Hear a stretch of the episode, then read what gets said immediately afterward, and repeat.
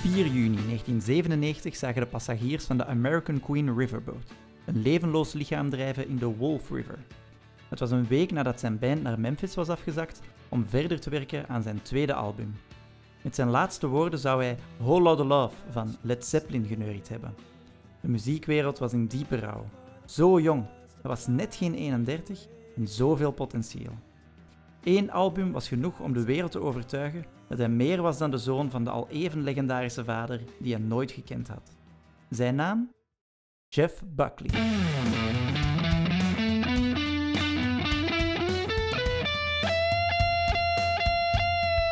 Liever snel naar de hel met Seppe en Sander. Welkom bij de eerste aflevering van Liever snel naar de hel. In deze podcastreeks bespreken we legendarische muzikanten die het leven lieten. Sommigen al heel jong, anderen wat ouder, maar elk van hen hield er een flamboyante levensstijl op na aan een razendsnel tempo. In deze podcast zullen we dus zeker de 27 Club behandelen, maar ook heel wat tijdloze fossielen. En dat doe ik gelukkig niet alleen, maar met hulp van mijn uh, goede vriend en medemuziekliefhebber uh, Seppe. Dag Seppe. Dag Sander. Seppe, we hebben voor deze eerste aflevering hebben we gekozen voor Jeff Buckley. Ja, dat klopt. Jeff Buckley. Voilà, we hebben allebei wat informatie opgezocht, ons, ons ook allebei wel laten inspireren, uh, heel veel naar de muziek geluisterd. En Seppe, jij hebt als eerste u vooral wat verdiept in de achtergrond van Jeff Buckley. Waar begon het eigenlijk allemaal? Ja, dus Jeff Buckley, geboren in Californië in 1966, eh, als zoon van eigenlijk een vrij bekende um, artiest op dat moment. En dat was natuurlijk Tim Buckley. En die naam Tim Buckley, die zullen we doorheen de podcast en ook het leven van Jeff Buckley nog, nog vaak terug horen. Het was geen gelukkig gezin om het op zijn minst te zeggen, Sander. Tim Buckley was ook een, een artiest puur sang en die leefde voor de muziek. Wat betekende dat hij als vader eigenlijk niet vaak aanwezig was voor, voor jonge Jeff in zijn opvoeding. Jeff Buckley zelf heeft ooit in een interview gezegd dat hij zijn vader slechts één keer heeft gezien. En dat was zelfs in de coulissen voor een optreden, dus uh, een kleine vijf minuutjes om zijn vader te zien. En helaas is zijn vader natuurlijk ook op zeer vroege leeftijd gestorven aan een accidentele overdosis heroïne. Kan uh, redelijk vervelend zijn. Ja, hij is vooral op, opgegroeid, uh, of opgevoed, beter, door zijn stiefvader. Hè? Ja, ja. Zijn, hij krijgt eigenlijk langs twee kanten wel een, een serieuze dosis uh, genen om, om in de muziek te stappen. En zijn moeder mhm. is eigenlijk ook een muzikante. En zijn vader natuurlijk Tim Buckley. Dus langs twee kanten zitten de muzikale genen er wel zeker in. Mhm.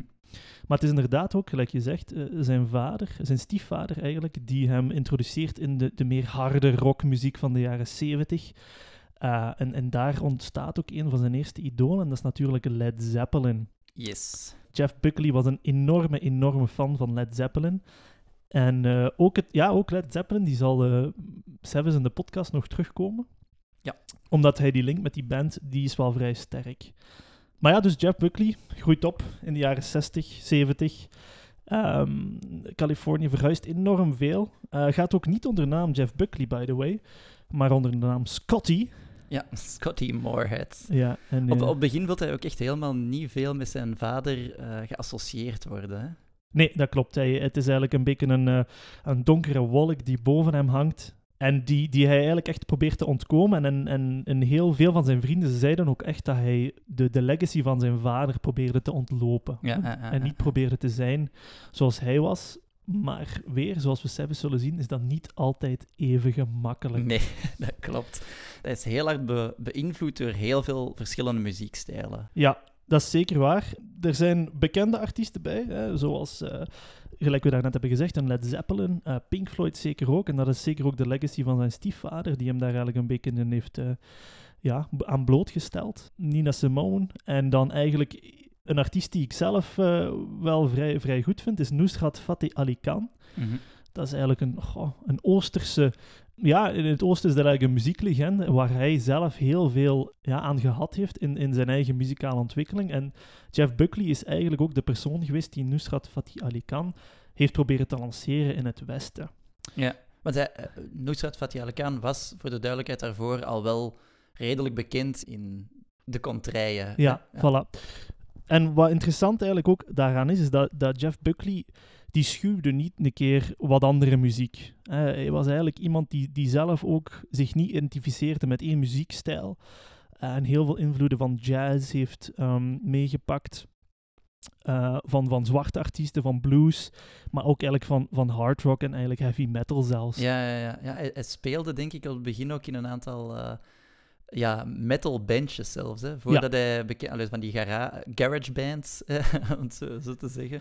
Toevallig ook de opname software waar we nu mee aan het opnemen zijn. Hashtag not sponsored.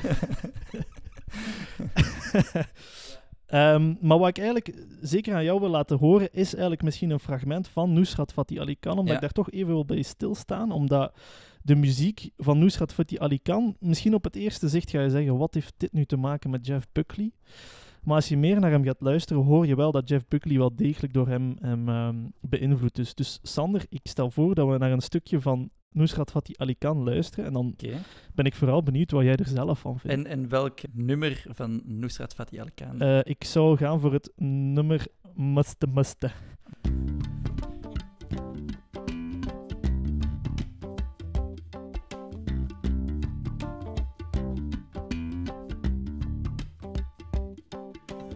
मस्त कलंदर, मस्त मस्त, दम मस्त कलंदर, मस्त, दम मस्त कलंदर, मस्त मस्त, दम मस्त कलंदर, मस्त। मेरा विरद है दम दम, अली अली। मेरा विरद है दम दम, अली अली। सखीलाल कलंदर, मस्त मस्त। सखीलाल कलंदर, मस्त मस्त। झूले लाल कलंदर, मस्त मस्त, दम मस्त कलंदर, मस्त मस्त, दम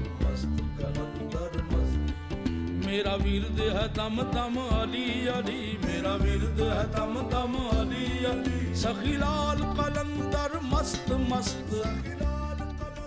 Ja, Sander, eh, we hebben nu eh, een kort fragment geluisterd. Wat vind je van hem? Ik vind, het wel, ik vind het wel leuk. Ik was vooral wel getriggerd door het, door het basje helemaal op het begin. Het is redelijk toegankelijk wel, eh, terwijl dat, dat er toch vaak bij die ja, het, het, ze noemen het quali-muziek of Q-A-W-W-I. quality music, ja. Nee, nee, nee, niet quality music, maar het is echt een genre op zich. Hè. Ja, ja, die, ja dat die klopt. Indische, uh, Pakistaanse invloed. Uh, maar ik vind het wel heel tof en ik snap wel dat Jeff Buckley er wel, wel door getriggerd was. Ja, zeker. En als je dan hoort naar, naar, naar Nusrat, inderdaad, zijn liedjes zijn ook precies volledige verhalen op zich, waar het altijd naar een, een soort van climax gaat. Ja. En als je naar um, het album Grace van Jeff Buckley gaat luisteren, dan hoor je ook wel dat die liedjes altijd naar een bepaalde climax gaan, waar dat Jeff Buckley zijn, zijn stem ja. naar, naar nog een hogere octaaf brengt. En dat is iets wat, wat, wat ook in de muziek van Nusrat Fatih Ali Khan te horen is. Uh, ja. Wat mij ook wel opviel was de accordeon, die ook soms wel in de achtergrond ja, bij uh, het album van, van uh, Grace van Jeff Buckley hoort. Wat ik daar zeker nog wat bij wil zeggen, is ook dat natuurlijk Jeff Buckley niet de enigste artiest was die Nusrat Fatih Ali Khan naar het westen wilde brengen. Ja. Uh, Nusrat heeft ook in eind jaren 80 samenwerkingen gehad met Peter Gabriel. En in de jaren 90 ook met Eddie Vedder. En uh, ja, ze ja. hebben toen ook zelfs een soundtrack opgenomen voor de film Dead Man Walking. Ja, hij heeft duidelijk een hele grote appreciatie voor andere muzikanten. En hij brengt dat ook heel vaak tot, tot uiting. Hè? Ja, hij, hij beschrijft zichzelf als uh, the warped love child of Nina Simone and all four members of Led Zeppelin, with the fertilized egg transplanted into the womb of Edith Piaf, out of which he is born, and left on the street to be tortured by the bad brains. Ja, dat is, dat is nogal een, uh, een omschrijving voor, uh, die dat jij nu zelf kunt geven. Nu, hij had ook wel een hele mooie muzikale opleiding, hè? Ja, inderdaad, inderdaad. Dus uh, die verschillende muzikale invloeden die, die Jeff Buckley doorheen zijn, zijn jonge jaren um, ja, allemaal uh, waar hij aan blootgesteld wordt. Zorgde natuurlijk ook voor dat ten eerste zijn, zijn muziekinteresse en ook de muziek die hij zelf gaat spelen, net misschien zoals zijn vader, eigenlijk een fusion zijn van verschillende soorten. Dus, dus hier komt natuurlijk de legacy van Tim Buckley al een klein beetje naar boven, die... Mm -hmm heel veel struggelde ook met het idee van wil ik mainstream zijn of ga ik echt voor de avant-garde muziek. En Jeff Buckley, die ook ja, heel veel muzikale uh, stijlen met elkaar um, gaat mengen. Eigenlijk een beetje voor, voor, hetzelfde, voor dezelfde dilemma's komt te staan. Ja, ja, ja. hij heeft ook als muzikant een op, uh, opleiding gehad in de Musicians Institute of Los Angeles, waar hij eigenlijk echt geschoold wordt als uh, gitarist. En dat is niet de eerste, de beste instituut, want uh, zowel John Frusciante als Chad Smith van de Red Hot Chili Peppers hebben daar ook hun opleiding genoten. Ja, en ik, en ik vind ook dat het moment dat John Frusciante bij de Red Hot Chili Peppers komt, krijgen de Red Hot Chili Peppers ook meer een bepaalde dramatiek in hun, uh, in hun muziek. En dat is die dramatiek die dat Jeff Buckley ook altijd in zijn nummers heeft. Ook zo die hoge tonen dat hij altijd gebruikt, dat is iets dat John Frusciante ook heel gemakkelijk doet. Je merkt dat daar toch een soort van ja, dat, daar, dat er een, een, een gelijkaardigheid tussen die twee is. Ja, inderdaad. En, en, na zijn opleiding gaat Jeff ook meer op muzikale ontdekking. Hij komt ook terecht in, in New York in de club Cine.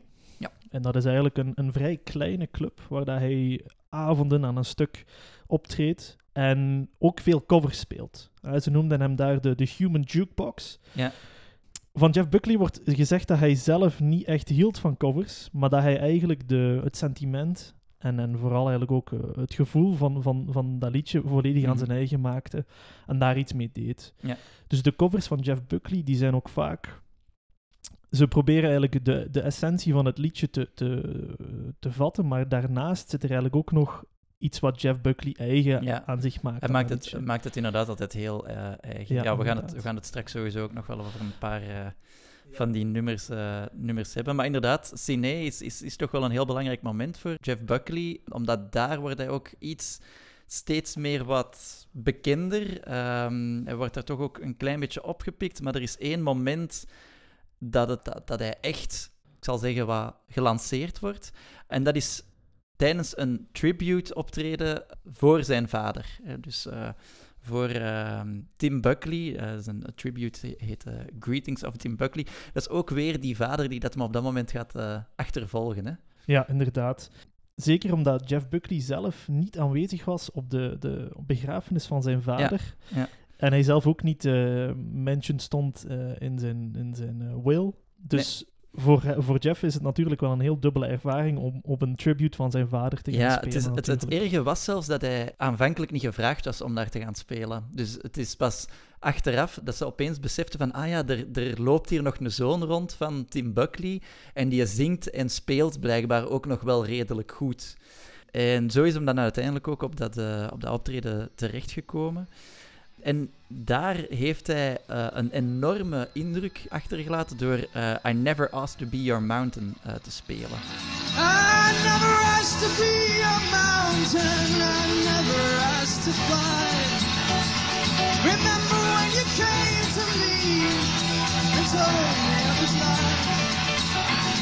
You didn't Hij heeft meerdere nummers gespeeld die avond, maar ehm, I Never Asked to Be Your Mountain zou het eerste nummer geweest zijn dat hij toen speelde. En dat is een nummer van Tim Buckley over het feit dat hij zijn vrouw en kind, met andere woorden Jeff Buckley, had verlaten. Dus Jeff Buckley speelt daar op dat moment het nummer van zijn eigen verlating. Hij zelf die dat wordt achtergelaten. En hij maakt er een enorme eh, indruk, onder andere ook op eh, Gary Lucas. Eh, Gary Lucas is, de, is een experimentele gitarist die hem op dat moment begeleidt. En die omschrijft het als, als ja, ik stond mee op, op het podium met hem te spelen, maar het leek alsof ik mee in het publiek zat. Hij, zegt echt dat hij kippenvel had eh, op dat moment. En ook de fans van, van Tim Buckley op dat moment, op, op dat moment die, die zien daar opeens de belichaming van hun grote held. Wat natuurlijk ook voor Jeff niet. wat Jeff natuurlijk eh, zelf liever niet had. Maar tegelijkertijd omarmt hij het eh, op dat moment ook wel. Dus dat is denk ik het eerste moment, of een heel belangrijk moment om in ja, The Road to Fame van eh, Jeff Buckley. Ja, zeker weten. Nu, het is niet zo dat hij ehm, na zijn eh, optreden daar voor zijn vader, of voor eigenlijk de, de, de tribute voor zijn vader, dat hij meteen gelanceerd was. Nee, Hij, nee, hij keerde eigenlijk toch wel terug naar die cine, Ja.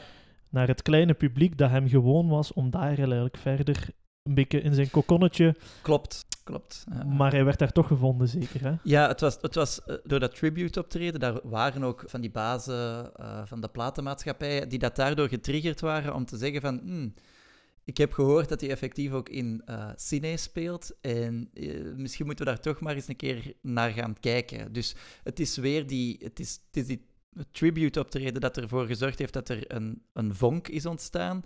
En vervolgens is het weer Cine, waar, dat hij, ja, waar, dat ze meer en meer naar hem gaan, eh, gaan beginnen luisteren. En daardoor, zijn eerste album, of, of ja, zijn, zijn eerste ehm, keer dat hij iets officieel mag opnemen, is ook een live at Cine. Dus dat is een live album met een aantal nummers dat hij op een van de avonden eh, performt.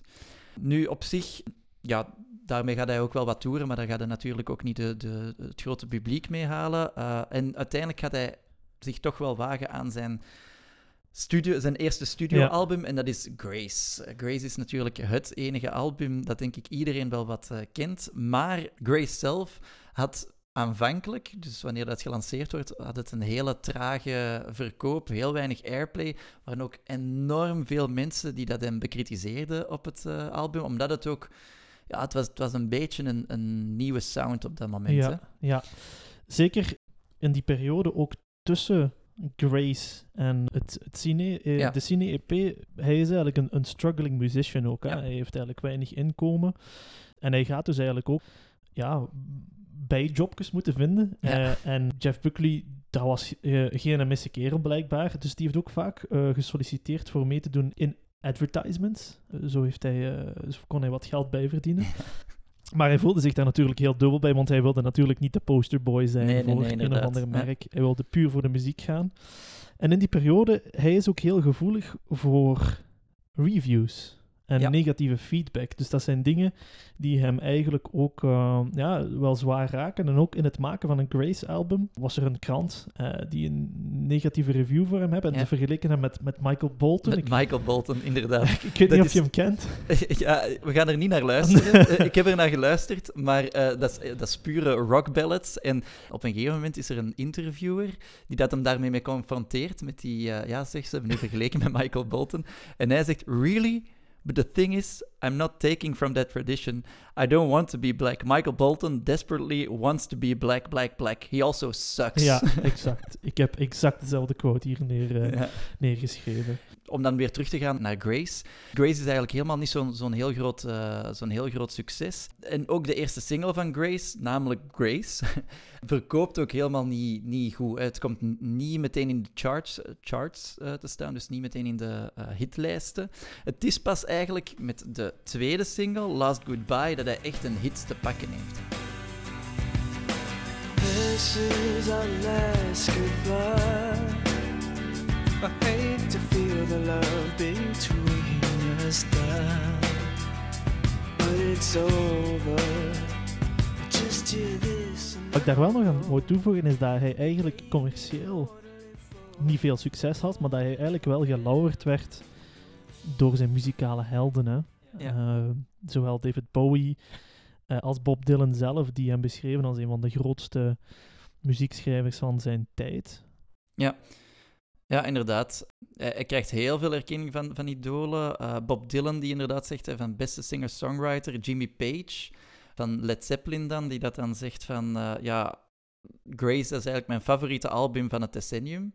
En dat dan ook introduceert bij collega Robert Plant, die dat ook helemaal eh laaiend enthousiast is. En dan David Bowie, die dat zelfs zegt van ja, ik zou Grace meenemen naar een onbewoond eiland.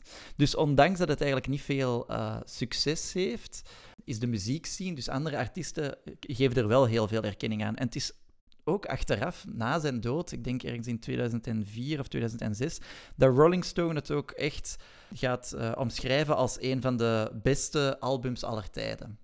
Ja, en natuurlijk, wie komt daar weer om het hoekje kijken? Dat is natuurlijk vader Tim Buckley. Ja. die ook muzikaal gezien door zijn muzikale entourage zeer hard geprezen werd. maar ook struggelde met wil ik volledig voor het commercieel succes gaan of ga ik voor de muziek? Ja. En het is natuurlijk heel ironisch dat het Grace-album eigenlijk zo'n eenzelfde periode meemaakt. Hè, Ja, waar, dat er eigenlijk eh, misschien niet echt commercieel succes was in het begin, maar dan toch eigenlijk heel veel erkenning vanuit de muzikale wereld zelf Ja. komt. Maar het is, het is ook, ik denk, ik denk op zich dat Jeff Buckley dat effectief ook wel goed vond, omdat hij, hij, hij wil natuurlijk wel die muzikale erkenning krijgen, maar inderdaad, dat commerciële, daar, daar heeft hij het effectief ook wel wat moeilijk mee.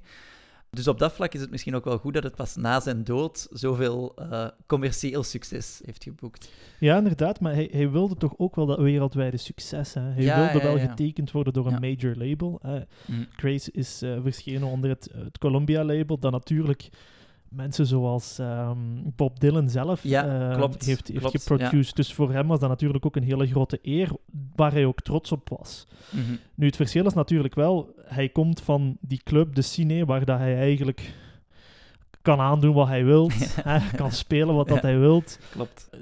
Een liedje dat kan 100.000 iteraties hebben, dat maakt niet zoveel uit. Maar als je natuurlijk een album moet gaan maken, dan moet er natuurlijk wel wat continuïteit zijn. Klopt, klopt, klopt, klopt. Nu, ehm, als we het dan over Grace hebben, dan moeten we het uiteraard ook over Halleluja hebben. Heel veel mensen associëren Halleluja als... Ja, dat is een lied van Jeff Buckley, maar dat is natuurlijk niet waar. Halleluja is een nummer van Leonard Cohen. Maar eh, Jeff Buckley heeft het zichzelf wel helemaal eigen gemaakt. Nu, het is ook weer opvallend dat ook Halleluja tijdens de periode dat hij leeft, helemaal ook niet meteen een succes is. Dus ook op dat moment staat het niet in de hitlijsten.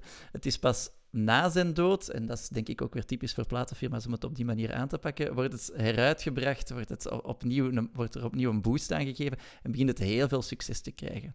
Nu, hij wordt daar heel hard over voor gelauwerd, over eh, Halleluja, en het is effectief een hele mooie, intieme versie. Maar eigenlijk is zelfs de versie van Jeff Buckley van Halleluja is ook maar gebaseerd op een cover. Dus het is al een cover van een cover. Want hij heeft zich eigenlijk heel hard gebaseerd op de versie van John Cale. Wie is John Cale?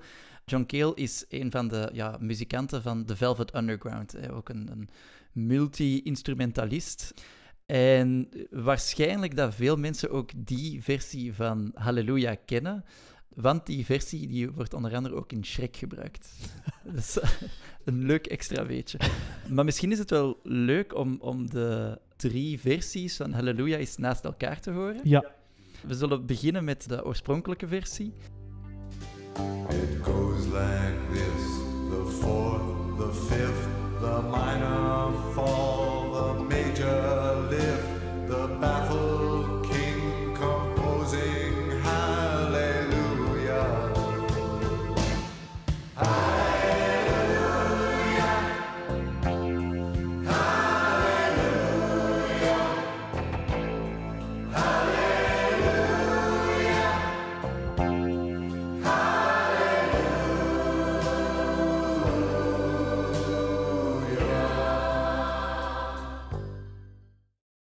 dus dat is de versie van Leonard Cohen zelf. Eh, dat is toch al wel wat meer een, een rock ballet-achtige versie.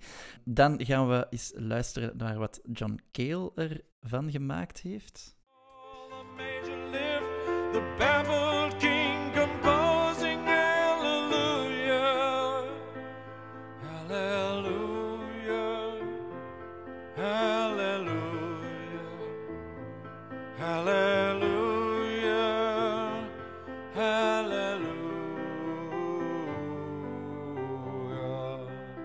En dan zullen we ook nog luisteren naar de versie van Jeff Buckley zelf. The minor fall and the major lift, the baffled king composing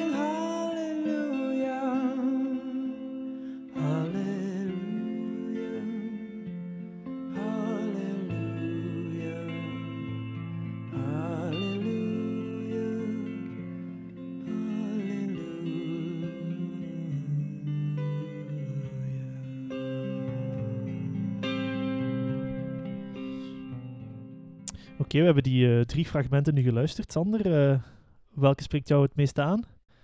Ik geef altijd meer prioriteit aan het origineel. Maar eh, bij deze vind ik die van Leonard Cohen zelf spreekt mij nu niet super hard aan, moet ik zeggen. Maar dan ben ik eigenlijk toch ook wel iets meer getriggerd om te zeggen van ja, John Cale met de piano vind ik eigenlijk heel tof. Ook wetende dat dat dan de versie is die dat Jeff Buckley uiteindelijk heeft geïnspireerd. Maar ik ga ook niet ontkennen dat, dat de versie van Jeff Buckley heel mooi is en, en heel intiem. En, maar persoonlijk zou ik eerder de versie van eh, John Cale opleggen. Oké. En jij? Goh, ik ga toch voor de versie van Jeff Buckley gaan.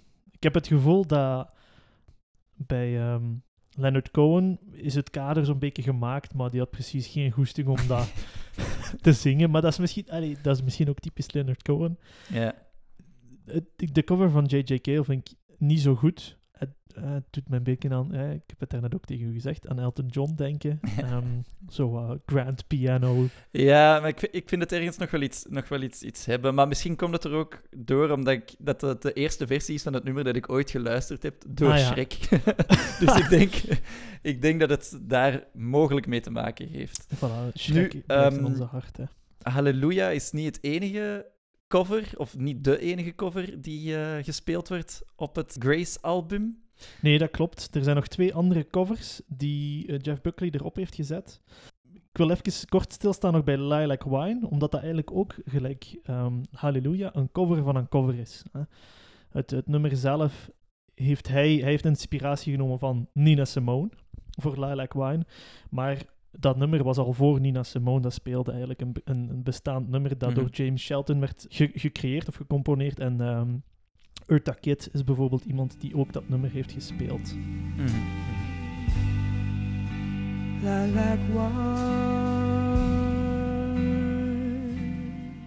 De reden waarom dat er eigenlijk covers op zijn album staan, dit is natuurlijk ook eh, allee, meer een eh, speculatie. Eh, lekker koekje. Ehm, is eigenlijk dat hij niet even content was van alle nummers die op Grace zouden komen. En dat hij eigenlijk verkoos om zijn album op te vullen met ook covers die hij wel waardig vond aan het album. Ja. Ja, en is dat ook eh, in, in samenwerking met andere artiesten dat hij eh, een beetje moeilijk doet voor als ze samenspelen of als hij in aanraking komt met andere artiesten? Of hoe is die samenwerking met Ja, andere ik denk artiesten? over het algemeen, de relatie met andere artiesten is, is eigenlijk redelijk goed. We hadden het er straks ook al over, dat hij door heel veel ehm, artiesten geïnspireerd is, ook enorm opkijkt naar andere artiesten en die artiesten ook gaat erkennen. Eigenlijk in het begin van zijn carrière gaat hij ook vaak op de achtergrond meespelen met eh, verschillende artiesten. Dus hij gaat onder andere de backings doen en in, het, in het, eh, de band zitten van Shinehead, dat is een, een reggae- en R&B-artiest. Maar hij zou ooit ook in aanmerking zijn gekomen om mee te toeren eh, met Mick Jagger van de Rolling Stones, toen dat hij solo ging eh, voor een tijdje. Maar daarnaast, zoals we het er straks ook al hebben gehad, hij, hij heeft er over het algemeen heel veel erkenning voor. En hij gaat bijvoorbeeld ook heel veel erkenning geven aan Gary Lucas. Eh, dus Gary Lucas is toch wel een heel belangrijk figuur die hij leert kennen. Leert hij kennen op het tribute-concert van zijn vader. En dat is ook de persoon die dat de nummers Grace en Mojo Pin meegeschreven heeft. Of toch in ieder geval de muziek daarvoor geschreven heeft. Aanvankelijk zouden die nummers zelfs nummers zijn die dat voor het album van Gods and Monsters eh, zou komen. Dus Gods and Monsters is een band van Gary Lucas. En Gary Lucas had daar ook Jeff Buckley voor gevraagd om in die band te gaan spelen. Hij heeft dat heel kort gedaan, maar bijna direct nadat hij het contract had ondertekend, eh, stapte hij alweer terug uit de band om toch weer zijn eigen ding te doen. Dus dat is wel weer het, hetgene aan eh, Jeff Buckley, is dat hij heel hard een idee heeft over hoe hij zijn muziek wilt maken. En als hij, hij staat open voor invloeden. Maar uiteindelijk kan hij ook wel zeggen van ja, dit is niet wat dat ik ermee wil doen. En, en gaat hij toch ook zijn eigen weg gaan. Eh, opvallend ook, want ik ben Gods and Monsters ook eens gaan opzoeken om te zien hoe dat het er vandaag mee is. Stelt niet meer veel voor. Eh, die hebben op Spotify niet eh, de allerhoogste cijfers. Ik denk dat er eh, vrienden van mij zijn die dat minder bekende bands hebben en toch meer cijfers, views of listens. ehm, It's all about the music, ja, ja, inderdaad. Maar ook, ik was dan ook gaan, gaan kijken naar, van, want hij had in 2012 hadden, hadden Gods and Monsters ook nog iets gereleased. Dus ik ben naar de clip gaan kijken. Ehm, ja, het, het is, het is eh, met, ze hebben geroeid met de middelen die ze op dat moment hadden. En blijkbaar hadden ze ook geen eigen drumstel, want de drummer die zit gewoon met zijn stokjes in het rond te, te, te doen. Dus eh, tot zover Gods and Monsters en het succes van Gary Lucas. Maar uiteindelijk is dat toch wel iemand die dat een, toch wel een bepaalde invloed heeft gehad op eh, Jeff Buckley. Ja, en verder wie dat er nog invloed op hem heeft gehad, zijn zijn relaties natuurlijk. Hij, hij vertoeft wel wat in dat ehm artiestenmilieuutje. En eh, bijvoorbeeld Grace is ook helemaal geïnspireerd op zijn relatie met Rebecca Moore. Bijvoorbeeld ook had hij het nummer eh, Forget Her. Een nummer dat over die stuk, eh, stukgaande relatie gaat. Dat was een nummer dat heel commercieel heel sterk wel was, maar hij heeft zijn been stijf gehouden en gezegd tegen de platenbazen van ik wil dat dat nummer er niet opkomt, want dat is veel te persoonlijk en ik wil niemand kwetsen. Dus dat nummer is oorspronkelijk nooit op Grace gekomen. Het is pas na zijn dood dat de platenbazen een nieuwe versie van het album hebben aangebracht. En Forget Her toch op het, eh, op het nummer hebben gebracht. En ik denk zelfs dat ze het ook als single uiteindelijk hebben uitgebracht. Hij moest het eens weten. Hij moest het eens weten. Ja, en in zijn, zijn relaties... Ja, hij, hij was ook vaak samen met andere artiesten, andere muzikanten. Op het einde van zijn leven zou ook samen zijn geweest met eh, Joan Wasser, die dat we vandaag nog kennen als Jonas Policewoman. En hij zou die ook zelfs ten huwelijk hebben gevraagd. Dus zij heeft zeker ook wel hem geïnspireerd in, eh, in zijn, zijn muziek. ehm, maar de mate waarin, ja, dat laten we in het midden. My heart feels so still as I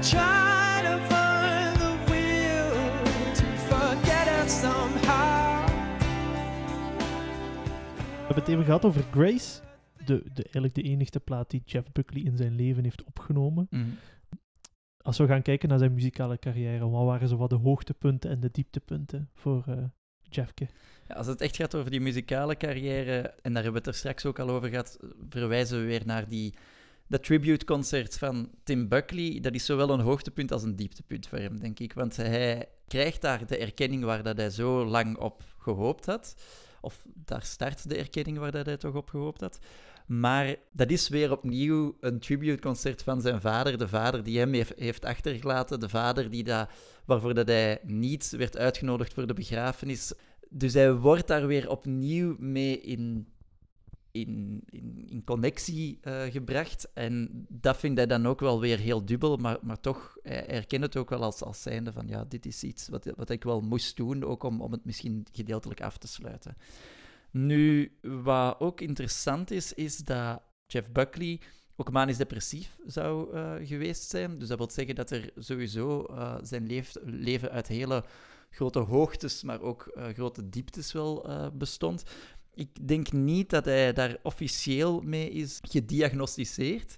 Maar bijvoorbeeld in de weken voor zijn dood eh, gaat zijn voormalige eh, manager Laurie wel een aantal zaken vaststellen waarin dat hij merkt van dat is toch wel heel raar. Vlak voor zijn, zijn dood probeert hij een huis te kopen dat niet eens te koop was. Hij wil een, een auto kopen eh, dat niet te koop was. En hij wil zelfs... hij gaat op een gegeven moment zelfs solliciteren als imker voor vlinders in de zoo van Memphis. Dus, eh, en, en bo- bovendien gaat hij ook nog eens een keer ehm, ja, zijn, zijn vriendin Joan dan ten huwelijk vragen. Op zich, daar is niks eh, raar aan.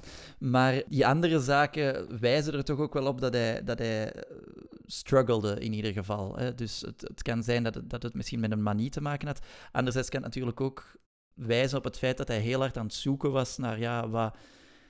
Ja, hij heeft al die roem, beroemdheid en zo, maar tegelijkertijd wil hij ook wel een normaal leven leiden. Wil hij ook wel gewoon eh, zondag pistolets thuis eten. Voilà. Want dat moment wat je daarnet beschrijft, is ook het moment dat het album Grace echt wel aan, het- aan het groeien is. Ja. En eh, eigenlijk wel het commercieel succes aan het krijgen is waar ze voor gehoopt hadden eigenlijk. Hè. Dus hij, hij voelt de fame eigenlijk eh, naar, zijn, naar zijn lippen stijgen Ja. eh, op dat moment. En dan komen natuurlijk de grote vragen als artiest. hè.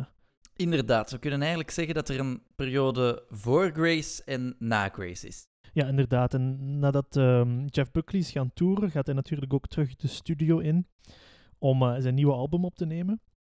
Dat loopt niet altijd van een leien dakje. Hij, hij struggelt ook echt wel met het idee van ja, wie wil ik zijn als artiest en, en wat wil ik brengen naar de wereld toe. Hij, hij was ook aan het spelen met het idee om een, meer ruw en een meer afschrikkend album te maken. Omdat hij ook steeds in die ja, in dat dilemma zit van wil ik muziek maken voor, voor mezelf eigenlijk? Of wil ik muziek maken die mensen, ja, dat mensen graag luisteren? En ook in dat tweede album blijft hij eigenlijk met, die, ehm, met dat dilemma struggelen. Zeker nu ook omdat Grace een meer commercieel succes aan het worden is. En hij ook het platenlabel misschien iets dichter in zijn nek voelt hijgen eigenlijk. Hè? Ja, want hij, hij maakt ook echt een heel aantal mooie nummers. Die zijn dan postuum uitgebracht. Zijn album ging normaal gezien My Sweetheart the Drunk genoemd worden. En het is uiteindelijk geresulteerd in een postuum album, Sketches from of Sketches of My Sweetheart the, the Drunk, waarin dat een alle mogelijke zaken die hij al had opgenomen, ja, worden, zijn daar dan eigenlijk in verzameld en dan uitgebracht. Ook weer een aantal covers dat erin zitten. En ik vind zelfs, als, als je naar de album luistert, dat er zo wat meer een Soundgarden-vibe in zit. Er zit nog altijd de Grace-vibe zit er op sommige nummers in. De Nusrat Fateh Ali Khan zit er ook in. Maar ook zo wat meer die, die grunge-zaken zit er ook wel wat, wat. Wat op dat moment natuurlijk ook heel hard aanwezig is. Hè?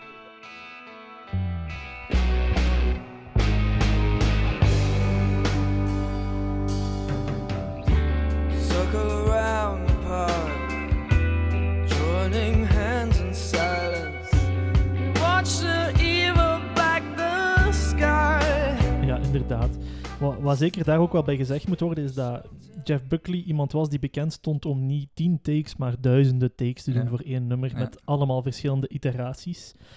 En dat hij ook nooit content was van hetgene wat hij deed. Hij ging altijd op zoek naar iets nieuws. Ja. En zeker in zijn live optredens werd een liedje nooit twee keer op dezelfde manier Nee, gespeeld. Ja, dat is inderdaad. eh, want er zijn heel veel live-albums van Jeff Buckley achteraf uitgebracht. En daarin merk je ook dat elk nummer wordt op een andere manier ingezet of op, met een andere klemtoon. Ik- op, dat mom- op dat vlak kun je hem eigenlijk ook wel wat vergelijken met Chester Bennington van Linkin Park, op, die natuurlijk veel later pas komt. Maar Chester Bennington had eh, eigenlijk exact hetzelfde. Die heeft ook duizenden en duizenden versies van hetzelfde nummer. Die was ook nooit tevreden over ja, de uiteindelijke versie. Dus zo een, een album moest altijd perfect zijn en daar zouden alleen maar de beste eh, versies op staan. Maar ja, achteraf was het dan ook eh, nooit goed. Maar we zijn aan het afwijken naar Linkin Park. Het gaat nog altijd over Jeff Buckley natuurlijk. Want als we het dan hebben over die takes, hè, hij, eh, neemt eerst op of hij woont eigenlijk lange tijd in New York en dan uiteindelijk gaat hij zegt hij van ja, ik wil toch wat herbronnen en hij rijdt dan naar Memphis. Memphis is ook eigenlijk zijn laatste halte. Ja, inderdaad. Memphis is zijn laatste halte. We zijn al in het jaar 1997 nu. Dat is eigenlijk ook het jaar dat hij zal sterven. Ja. Vrienden van hem zeggen eigenlijk dat de dood al ergens in de lucht hing. hè. Ja. Eh, Jeff Buckley die toch wel meer en meer ook begint ja, in de war te, te- of eigenlijk in de knoop te liggen met wat hij wil en wie hij is. En ook uitspraken begint te doen over zijn, zijn vader. Hij zegt van... Ja, mijn vader is op 28 gestorven. Ik heb hem al ingehaald. hè. Ja, hij zegt ook op een gegeven moment ehm, ergens dat hij zelf ook wel jong zal sterven. Ja, inderdaad. Dus op eh, 29 mei 1997 gaat Jeff voor een midnight swim in de rivier Mississippi met eigenlijk ook nog andere mensen die daar zijn. Ja. Ehm, het- hij, eh, hij doet zijn kleren niet uit. Hij gaat eigenlijk gewoon eh, in de rivier de Mississippi Ja. om te baden. Ooggetuigen zeggen dat hij daar uh, Whole Lotta Love aan het Ja. zingen was van Led Zeppelin. Eh, omdat dat zo heerlijk weergalmde in de, in de bruggen die daar eh, boven hingen. Zodat Mhm. hij een beetje kon lijken op Robert Plant natuurlijk. Er komen wat boten af. Ze zeggen tegen Jeff, pas op, de boten komen eraan. Nadat de boten voorbij zijn, zien ze hem eigenlijk niet meer. En vanaf dat moment gaan ze hem eigenlijk volledig als vermist opgeven. Wat wel interessant is, is dat veel van zijn close kennissen hadden wel een, een naar gevoel. Maar het was voor Jeff niet, ehm, niet vreemd om een keer een paar dagen te verdwijnen. Ja. Om dan terug te resurfacen, letterlijk, deze ja, keer. ja, want er wordt veel gezegd over zijn dood. Er, sommigen denken ook dat het een zelfmoord eh, zou zijn. Er wordt beweerd dat hij zijn, zijn laarzen of zijn botten zou hebben verzwaard. Nu, formeel is dat natuurlijk altijd ontkend. Hè. De, de platenmaatschappij heeft altijd gezegd dat het echt wel een ongeluk was. eh, dat er ook helemaal geen mysterie rond hangt. En ik, persoonlijk denk ik ook niet dat het met opzet was. ehm, want eh, het gaat effectief. eh, hij zou enerzijds gepakt zijn door de onderstroom en anderzijds door inderdaad golven die dat door boten werden gemaakt. En die combinatie zou ervoor Ja. gezorgd hebben dat hij kopje onder is gegaan en niet meer, eh, niet meer boven kwam. Nee, inderdaad. Dus eh, enkele dagen later wordt het lichaam van Jeff dan gevonden. En ze bevestigen natuurlijk dat hij dood is. Uit zijn autopsierapport staat ook niks van alcohol, niks van drugs. Eh, ze vonden de hoeveelheid promille van een glas wijn in zijn bloed. Dus ook een accidentele dood. En natuurlijk, dat hebben we in het begin van deze podcast ook al gehoord. Dus net zoals vader Tim is ook Jeff Buckley een, een lot toegeschreven geweest dat eigenlijk ja, een beetje per ongeluk is gebeurd. Ja. Hij Weliswaar niet met drugs. Ik denk, met drugs heb je het natuurlijk nog iets meer zelf in de hand. Ja, inderdaad, inderdaad. Maar voor beide artiesten was het wel niet de bedoeling om, om niet meer wakker te worden. Hè. En ja, hij laat natuurlijk ook een, een ongewerkt af, album achter. Goh, dat, waar, dat ook wel veel potentieel had. Ja. Hè. De, de, Ja, want da- daar ben ik nu wel naar benieuwd. Van, van... Er zat inderdaad wel veel potentieel in. En hij heeft eigenlijk ook al wel een hele harde muzikale erfenis wel achter, achtergelaten. Hè? Ja, inderdaad. Allee, voor mezelf, ik heb het gevoel bij het Grace-album dat het zo'n beetje een album is van kijk wat ik kan. Ja. Het is eigenlijk ook een heel breed album. Hè. Het gaat van heel fragiele, emotionele love songs tot eigenlijk haast agressieve Ja, klopt. grunge, hè, bijna. En dat tweede album, dat leek ook veel meer ehm, gericht op zijn eigen stijl die hij zichzelf eigenlijk aan, aan toe-eigenen was. Wat meer wat dat hij wou doen ook. Hè? Ja, inderdaad, inderdaad. Dat is natuurlijk ook de reden waarom dat we hem bespreken vandaag. Hè. Hij laat eigenlijk wel een, een, een legacy achter die, Ja. ja. die heel veel vragen stelt van what if. Hè. Ja. Wat, Ja, het is. Je kunt je zelfs denk ik de vraag stellen: stel dat hij nog langer had geleefd, zouden we hem dan even legendarisch vinden als, als, dat we, van, als we hem vandaag eigenlijk omschrijven? Hè? Iedereen heeft het altijd over de grote Jeff Buckley. Stel dat hij nog twee albums extra had gemaakt en dat dat twee albums waren waarvan dat iedereen dacht van, ja, oké, ja, was hij dan nog wel even legendarisch als nu? Want dat is ook wel zo. Er wordt bijna elk jaar wordt er wel weer iets gereleased van Jeff Buckley. Vorig jaar in 2020 ook. Dan was er weer een, radio-interview dat werd, eh, werd ge- gereleased. Maar het zijn ook altijd exact dezelfde nummers die daar steeds weer opnieuw en opnieuw opnieuw te, eh, bovenkomen. En dan een aantal nummers die, die hij dan wel eens een keer had opgenomen, al eh, op voorhand. En die dat dan op eh, Sketches for My eh, Sweetheart the Drunk ehm, zijn dan gekomen. Maar in ieder geval, hij, hij is wel heel inspirerend geweest voor heel veel, eh, veel artiesten. Hè? Ja, inderdaad. Als we gaan kijken naar hedendaagse artiesten die misschien eh, een invloed hebben gevonden bij Jeff Buckley, aan, aan wie denk je dan zoal, Sander? Ik denk dan ehm, zeker en vast aan Muse. Muse eh, is in het eerder rauwere gedeelte natuurlijk van, van, van, van Jeff Buckley. Maar ook de, de toonhoogtes. Matthew B- Bellamy die gaat heel hoog zingen en dat is iets wat, wat eh, Jeff Buckley zeker ook gedaan heeft. Ik denk dat hij op dat vlak toch ook wel een bepaalde traditie heeft ingezet. Misschien niet helemaal alleen, maar mede heeft ingezet om die, die, die hoogtes als mannelijke artiest niet te gaan schuwen. Vooral die, die echt fragiele hoogtes eh, heb ik het aan. Hè? Want andere artiesten deden dat ervoor ook al wel. Maar hij gaat het echt op die ja, hele hoge nootjes gooien. Ja, inderdaad. En, en ook de, de emotie en de passie die dan in de nummers zit. Hè. Ik ben ook aan het denken aan een, aan een band zoals bijvoorbeeld Radiohead. Ja. Waar dat je eigenlijk ook een, een vrij fragiele, oh, mag ik het zo zeggen, frontman hebt die toch wel eigenlijk emotionele, trieste nummers ook durft te brengen. Ja, afwisselend klopt. met ook wel wat pittige rocknummers. Is ook een, een band die dat op hetzelfde moment als Jeff Buckley eigenlijk groot aan het worden Inderdaad, is. hè? inderdaad. Zeker weten, zeker weten. Ja. En dan denk ik natuurlijk ook nog wel aan de Red Hot Chili Peppers. We hebben het er straks ook al wel aangehaald met John Frusciante, die daar van dezelfde school komt als eh, Jeff Buckley. Maar zelfs heel letterlijk zijn ze door hem geïnspireerd, want als je het nummer Eternal Life van eh, Jeff Buckley naast Can't Stop gaat eh, zetten, die hebben exact dezelfde intro. We kunnen er eens een keer naar luisteren Ja, anders. dat is goed.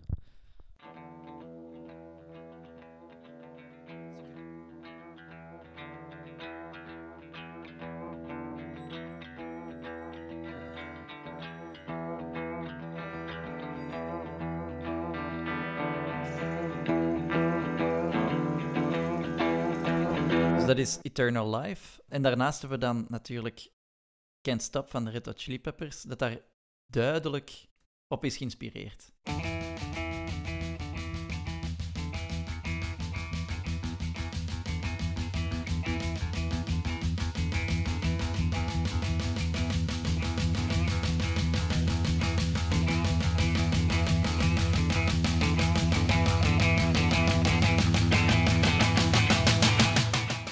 na de intro gaat het natuurlijk helemaal een andere weg. Dat is ook helemaal oké. Maar Eternal Life op zich ook een heel interessant nummer, vind ik persoonlijk. eh, omdat het ook, ik denk, het meest rauwe en, en rockige nummer is dat op zijn plaat Grace staat. We kunnen het natuurlijk bijna alleen maar over die plaat hebben, eh, als enige plaat. Maar het is ook, denk ik, een, een ode aan Led Zeppelin. Hè? Ja, inderdaad, inderdaad. Iets wat, wat hij toch wel echt belangrijk vindt, is, is die, die, die legacy of die verwijzing naar, naar Led Zeppelin zelf ook, omdat dat zijn grote idolen zijn. Ook. Ja. Het album Grace zelf was eigenlijk zeer groot in Australië. En dat heeft eigenlijk ook een impact gehad op eigenlijk de Australische artiesten die daarna komen. Iemand gelijk een Steve Smith, ook meer recentelijk met Corby. En zelf Chet Faker eigenlijk ook, die eigenlijk meer die mannelijke hoge tonen gaan opzoeken. En ik zelf heb, heb de laatste tijd vrij veel ook naar Steve Smith geluisterd. En ik wil graag ook een fragmentje aan u laten luisteren van Steve Smith, om een beetje de Jeff Buckley-invloeden te laten tonen eigenlijk. Oké, hè? En dat is het nummer Written or Spoken.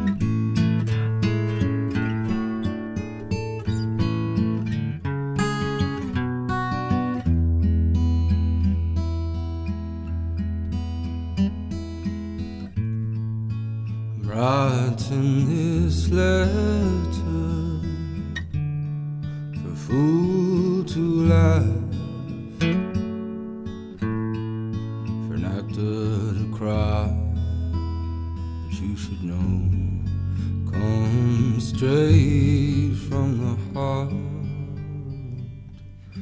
we daar naar luisteren, eh, heel, het, het gitaartje, het, het vrijle, zit er zeker wel in van, eh, van eh, Jeff Buckley. Ja, zeker.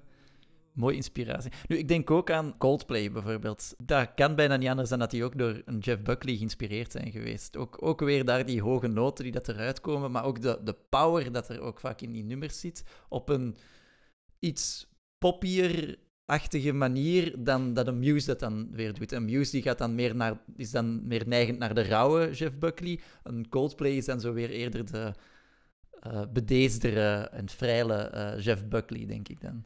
En wat hier dan eigenlijk ook gebeurt, is dat hij hier eigenlijk ook een splitsing maakt met zijn vader. Hè? Ja. Jeff. Buckley, die eigenlijk als artiest blijft doorleven en andere artiesten, en andere artiesten die, die hem nog steeds als inspiratie gebruiken. Hij op het einde van zijn leven, hè, langs zijn vader, een andere weg heeft gekozen om op die manier herinnerd te worden eigenlijk als, als een grote artiest Mhm. met een, een banger van, van een album. En dat we nog steeds eigenlijk hunkeren naar misschien een nieuwe Jeff Buckley ook. Hè. Ja, voilà. Ik denk dat we er eh, ongeveer wel wat zijn. Zijn er nog zaken die dat jij zou willen, graag zou willen bespreken binnen dit kader? Als je, als je nu terugkijkt naar al de dingen die we, die we hebben gezegd over Jeff Buckley, de, het materiaal dat hij uitgebracht heeft, de vraag die we onszelf gesteld hebben, what if Jeff were here today? Denk je dat zijn, eh, zijn legacy vandaag de dag nog steeds gaande is? Ja, zeker. zeker. Ik denk dat hij heel veel artiesten heeft eh, geïnspireerd. En zeker ook binnen het rockgenre. Eh, dat is misschien nog iets dat ik nog wel graag wil toevoegen. Ehm, aanvankelijk, kende Jeff Buckley voor het maken van deze aflevering ook niet al te goed. Maar ik ben hem dan wel gaan opzoeken en eh, uiteraard. Maar ik vond ook dat hij niet... Het is niet zo de average singer-songwriter, waar dat ik eerst wel wat schrik voor had. Ik dacht van, ah, dat is degene die altijd op het gitaartje speelt en hij heeft echt wel een helemaal eigen sound. En, eh, inderdaad, een, hij durft heel veel te doen. En zelfs al, al zingt hij daar in live in, in Cine helemaal op zijn eentje, heel, zijn de nummers heel krachtig. Maar dan ook een Grace-album dat hij neerzet met alle toeters en bellen eraan eh, aan verbonden. Super krachtig. En het is, het, het is een hele eigen sound die dat inderdaad eh, niet enkel en alleen zich focust op dat commerciële, wat er toch wel veel artiesten zijn die dat, dat wel hebben. Ja, inderdaad. Ik denk dat bij Jeff, die stelde zijn eigen sound zo hard in vraag dat hij bij elk liedje dat hij live opnieuw speelde, dacht van, "Goh, misschien ga ik het deze keer ander doen, anders doen, of Ja. eh, misschien gaat het zo wat beter klinken. Waardoor hij natuurlijk niet, misschien niet altijd voor iedereen even toegankelijk is geweest in termen van, van artiest, maar wat er wel voor gezorgd heeft dat hij eigenlijk wilde blijven innoveren en ook bleef innoveren doorheen het album. En het Posthumus album is daar ook zeker een, eh, een, een, eh, een bewijs van. Sander, als je nu terugkijkt naar het Grace album, wat is jouw favoriete nummer op dat album? Ah, wel, ik heb het eigenlijk daar straks al aangehaald, maar ik denk Eternal Life, eh, dat is wel mijn, mijn eh, favoriete nummer. Ik, de- dus ook natuurlijk persoonlijk ben ik meer wat fan van de rock sound en de rauwere sound. Ehm, dus Eternal Life, al moet ik zeggen dat met Grace zelf, dat dat wel een nummer was dat mij meteen aansprak. Ehm, eigenlijk, ja, het allereerste nummer, ook Mojo Pin, eh, ook wel. Maar laat, laat ik het houden op, op eh, Eternal Life. Bij u, Seppe? Ehm, Lover You Should Have Come Over, denk ik. Ja, een heel Ehm, mooi. Ja. Gewoon, om, daar zit die, die, die, die rauwe emotie, vind ik dat daar heel hard in zit. En, en ook gewoon de, de opbouw van het lied eh, en het thema eigenlijk ook. Waarin, waarin dat hij eigenlijk precies een verhaal aan het vertellen is. Ja, ja, ja. eh, en die emotie daarin in, in, in naar buiten brengt. Ik, ik vind hem zelf ook eigenlijk een, een zeer goede gitarist eigenlijk. Ehm, Ja, klopt. Klopt. de- a- als je de, de liedjes hoort.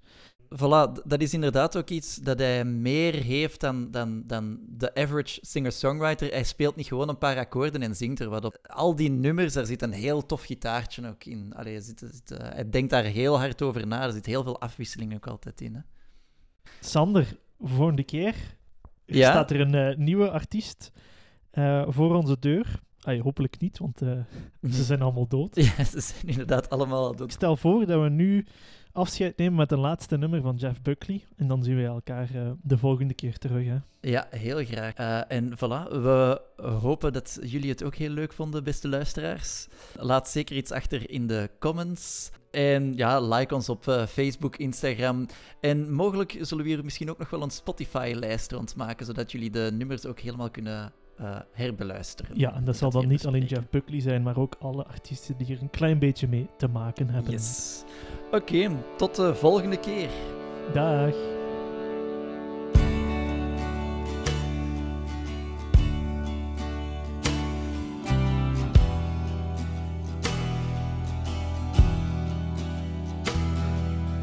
Looking out the door, I see the rain fall upon the funeral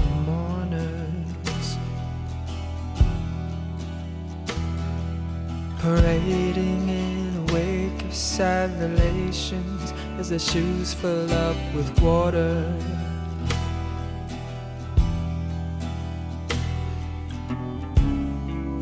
Maybe I'm too young to keep good love from going wrong. But tonight, you're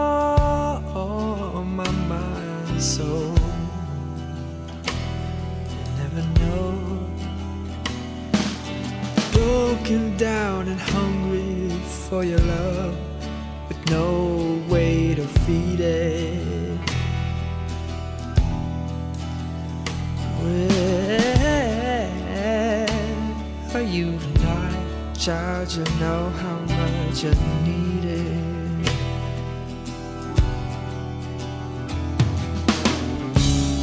Too young to hold on, and